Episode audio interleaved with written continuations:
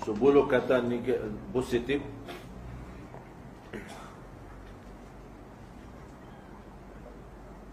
Yang menanamkan kepercayaan anak.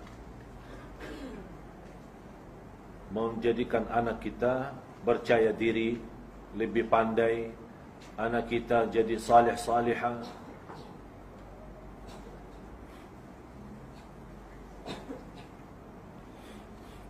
yang pertama.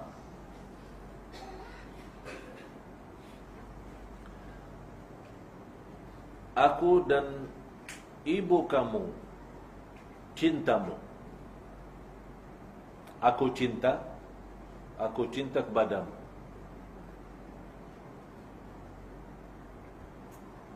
Tapi di sini kata cinta tidak ada syarat. Tidak ada syarat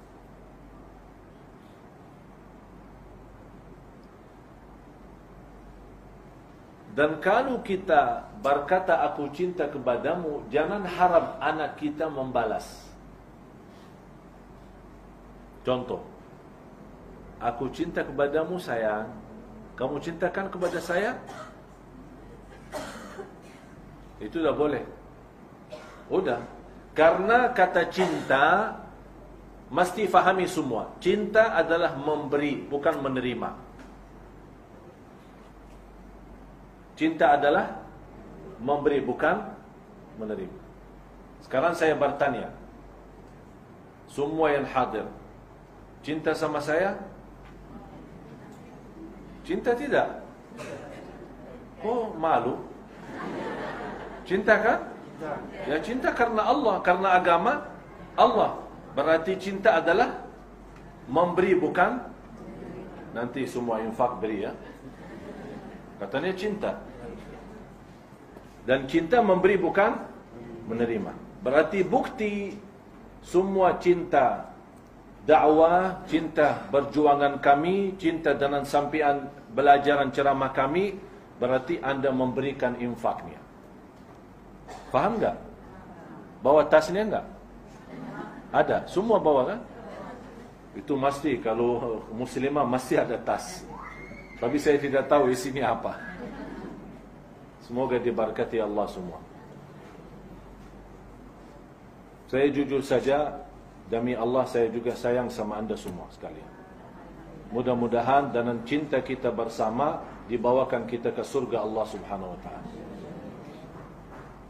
Jadi tidak boleh kita berkata kepada anak kita, aku cinta kamu, kamu cinta saya, saya enggak. Itu tidak boleh. Atau istilah lain, boleh kita berkata, aku cinta kepadamu, tapi kita nunggu, berharap anak kita juga balas. Berharap anak kita berkata, ya saya juga cintamu, mah. Kalau dia tidak balas, kita sakit hati. Eh, anak apa ini? Aku cinta, dia tidak balas-balas ini. Eh, cinta memberi, bukan menerima. Udah sampaikan aku cintamu, Walaupun dia tidak berkata aku cintamu mah diamkan saja. Karena kita ikhlas. Ikhlas enggak? Hah?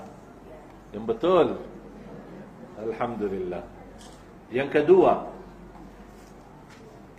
aku bahagia karena kamu anakku. Aku bahagia karena kamu anakku anakku. Dan itu kata selalu saya suka sampaikan kepada anak saya. Saya selalu berkata begini. Baba bahagia karena punya anak macam Hasan. Tapi subhanallah dia sendiri. Hasan bahagia punya bapa kayak Syekh Ali.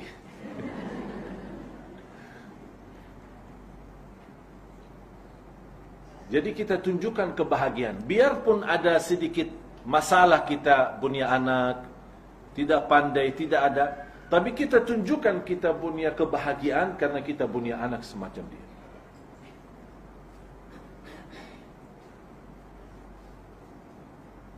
Boleh disampaikan itu?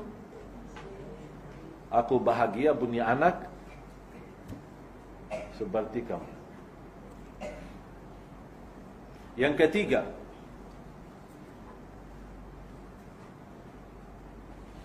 kamu pandai sekali. Bagi saya, kamu pandai nomor satu sedunia.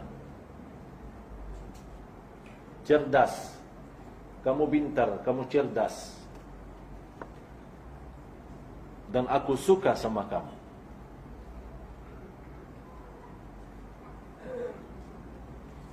Tapi tidak boleh berkata, aku suka kamu karena kamu cerdas. Tapi berkata, kamu cerdas dan aku suka sama kamu. Faham bedanya kan?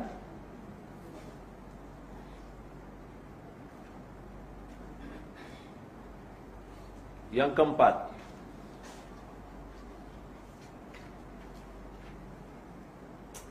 Kamu manis, kamu cantik dan suara kamu indah.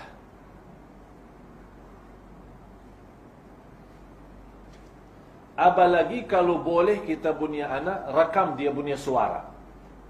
Dia naji, dia azan, dia apa. Kita bagikan satu rekaman. Kita mau punya mobile kan, ada rekaman kan? Kita bagi supaya anak kita naji, ada suara masuk.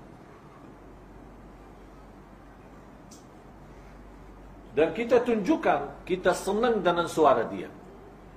Saya pernah rekam suara anak saya baca Al-Fatihah. Habis itu saya selalu simpan dalam saya punya mobile. Jadi kalau ada orang call kan bunyi kan? Tapi bunyi suara siapa? Anak saya baca Al-Fatihah. Bagaimana cara saya rekam?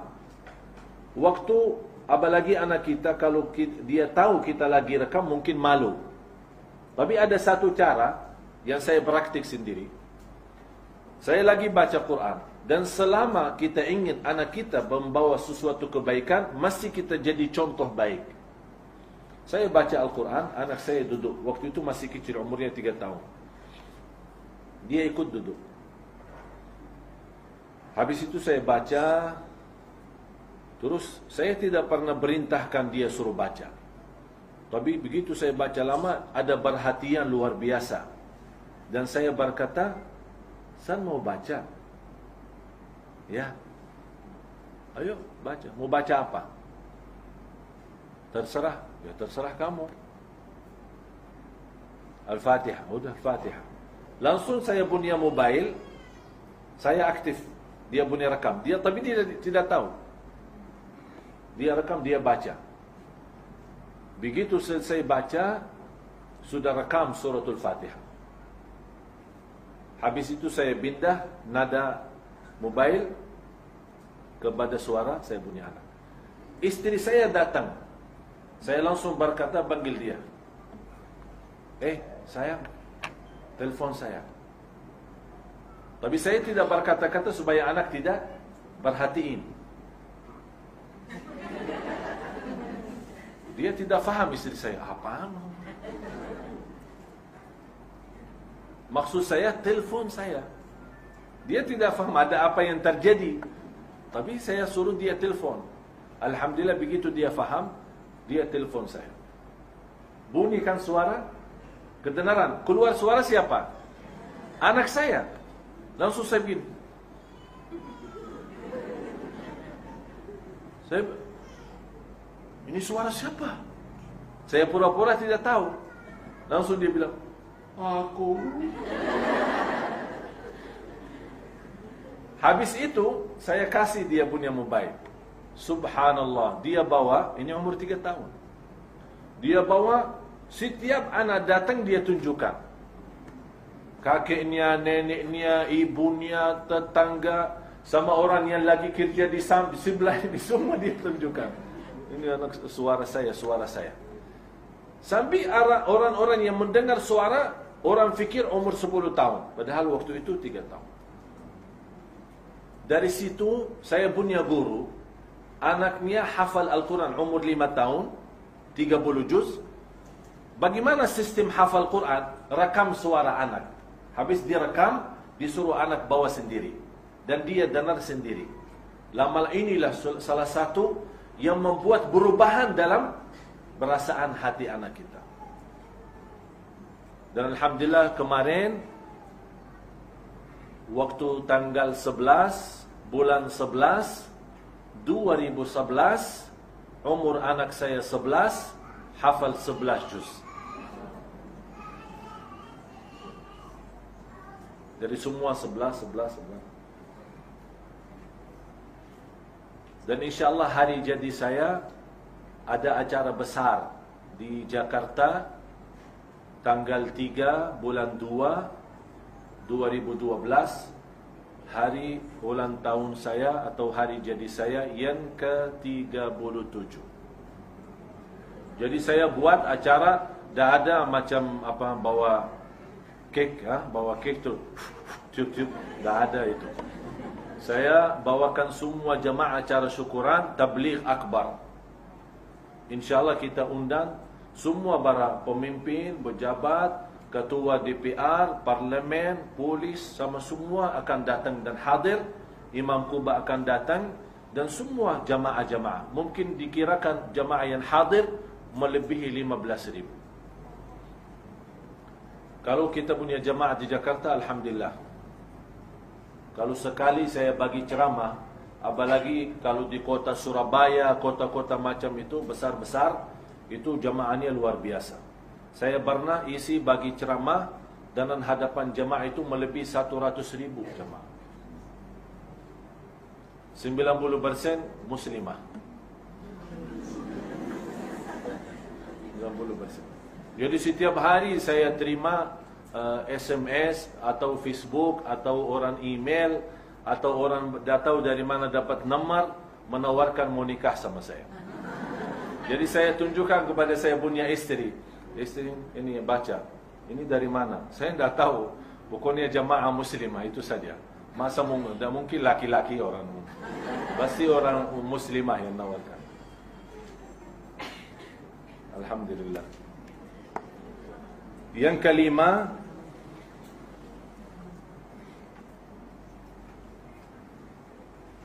Kamu hebat.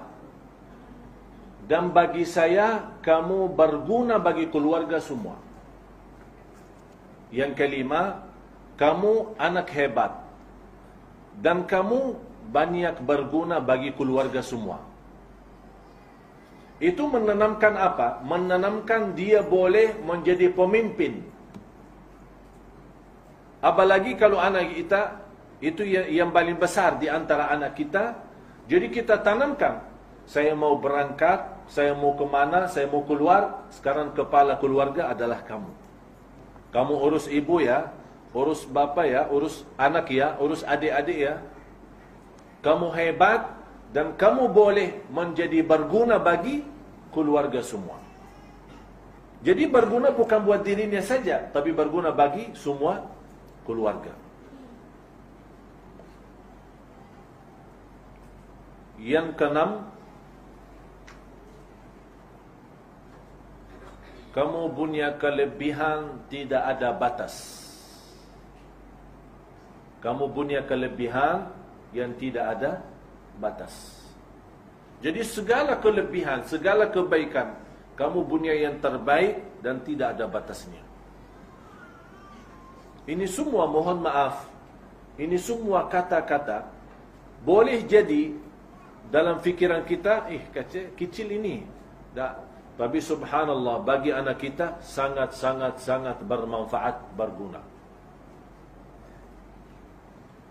Yang ketujuh, selalu kita mengambil masywarah bersama anak kita.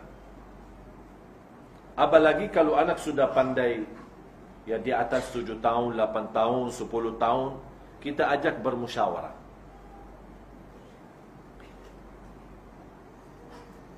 Apapun Saya mau berangkat Kalau terlipat berangkat itu sama keluarga Saya selalu datangkan anak saya. Ayo kita mau berangkat Malaysia Bagaimana mendapat Hasan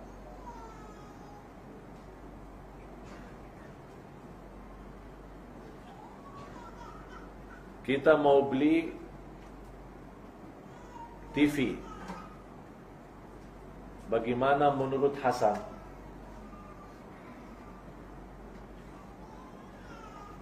Artinya maksud saya kita berikan kesempatan walaupun kita tidak mengambil tapi berikan kesempatan boleh bermasyuarah sama anak kita. Boleh jadi pendapat anak kita jauh lebih baik daripada pendapat kita sendiri. Apalagi kalau sesuatu itu untuk anak kita sendiri. Artinya mesti kita pandai dan mengerti apa kesukaan anak kita. Bagaimana boleh kita tahu apa kesukaan anak kita kalau tidak selalu buka bermusyawarah? Mesti kita membuat anak kita bangga sama dirinya. Jangan kita menghancurkan perasaan. Itulah kasih sayangnya anak kita. Yang kedelapan, selalu puji anak kita di hadapan kawan-kawannya.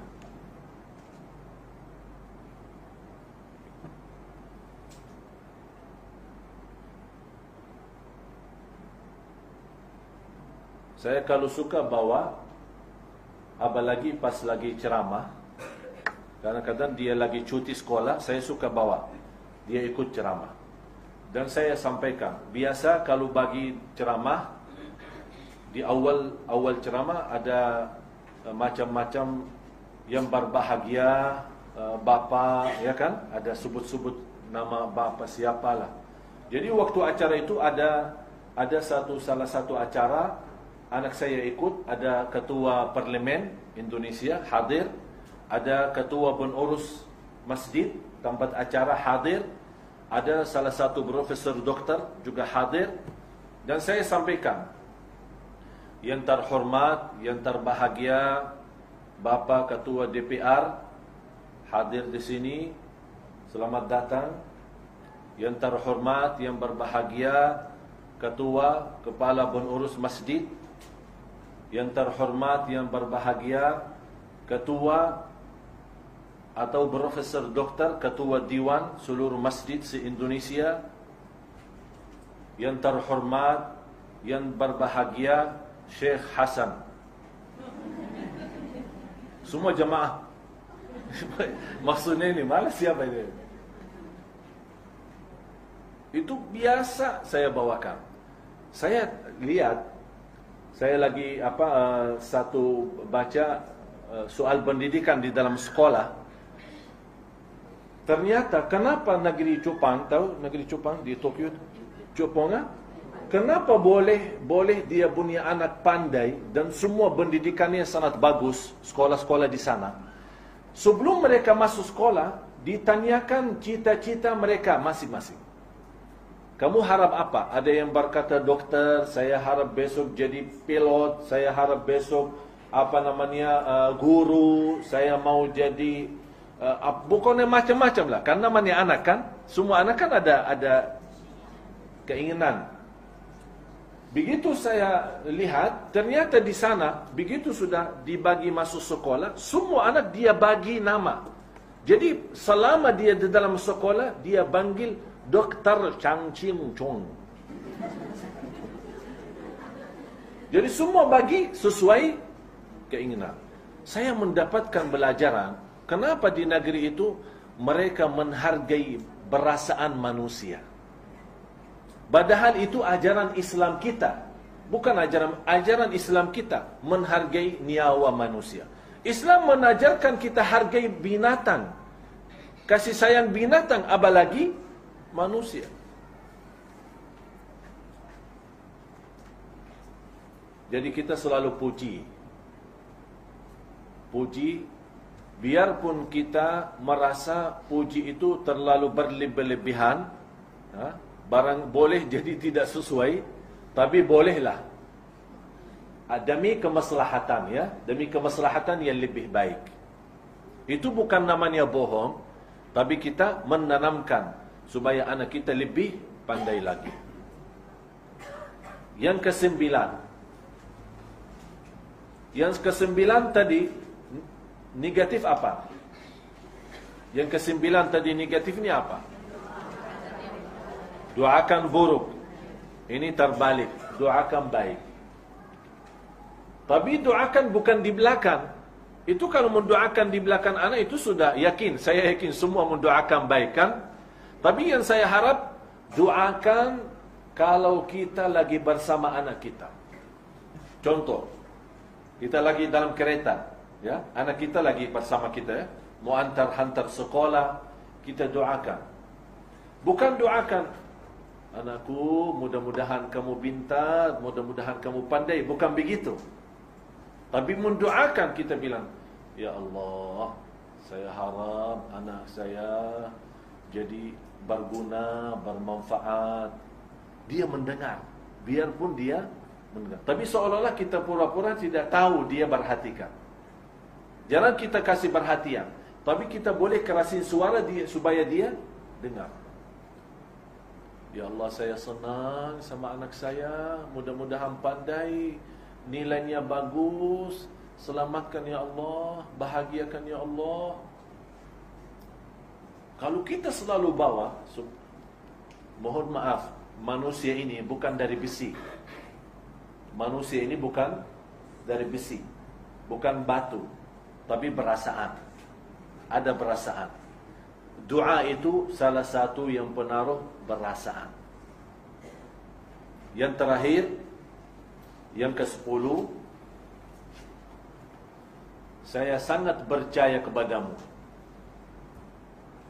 Saya sangat percaya kepadamu Dan apapun yang saya tugaskan Saya yakin Akan kamu berlaku yang lebih baik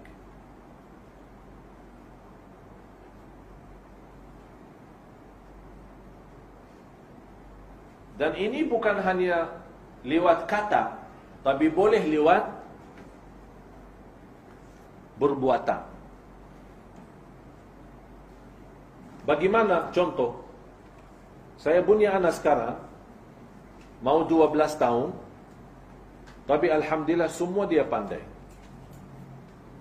Kalau ada tagihan bayar listrik bulanan, dia yang urus, dia yang bayar.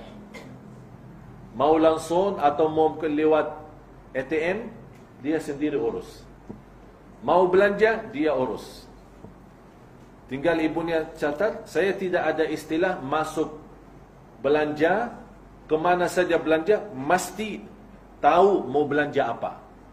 Tidak boleh masuk baru mau lihat mau belanja apa. Jadi saya sudah biasakan keluarga Istri mau apa? Saya sudah tahu Tapi saya mau lihatlah nanti. Tidak ada.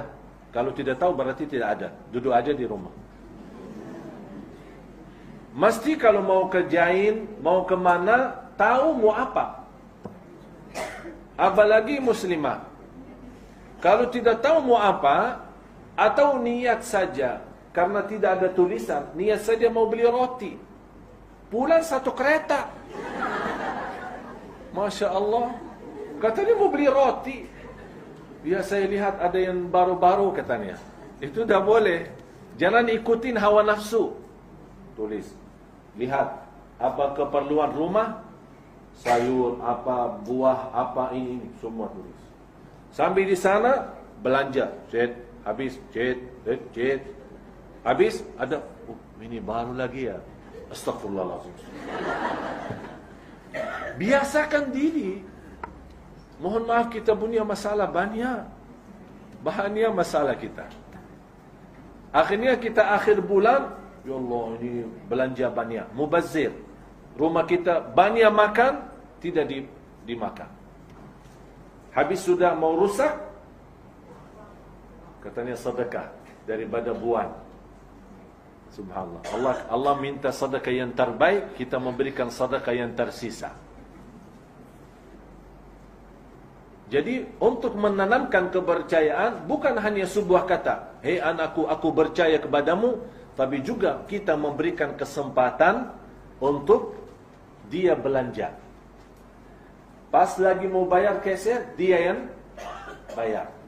Dia yang ambil sisa. Berapa sisa tu? Bayar sekian, kembali sekian.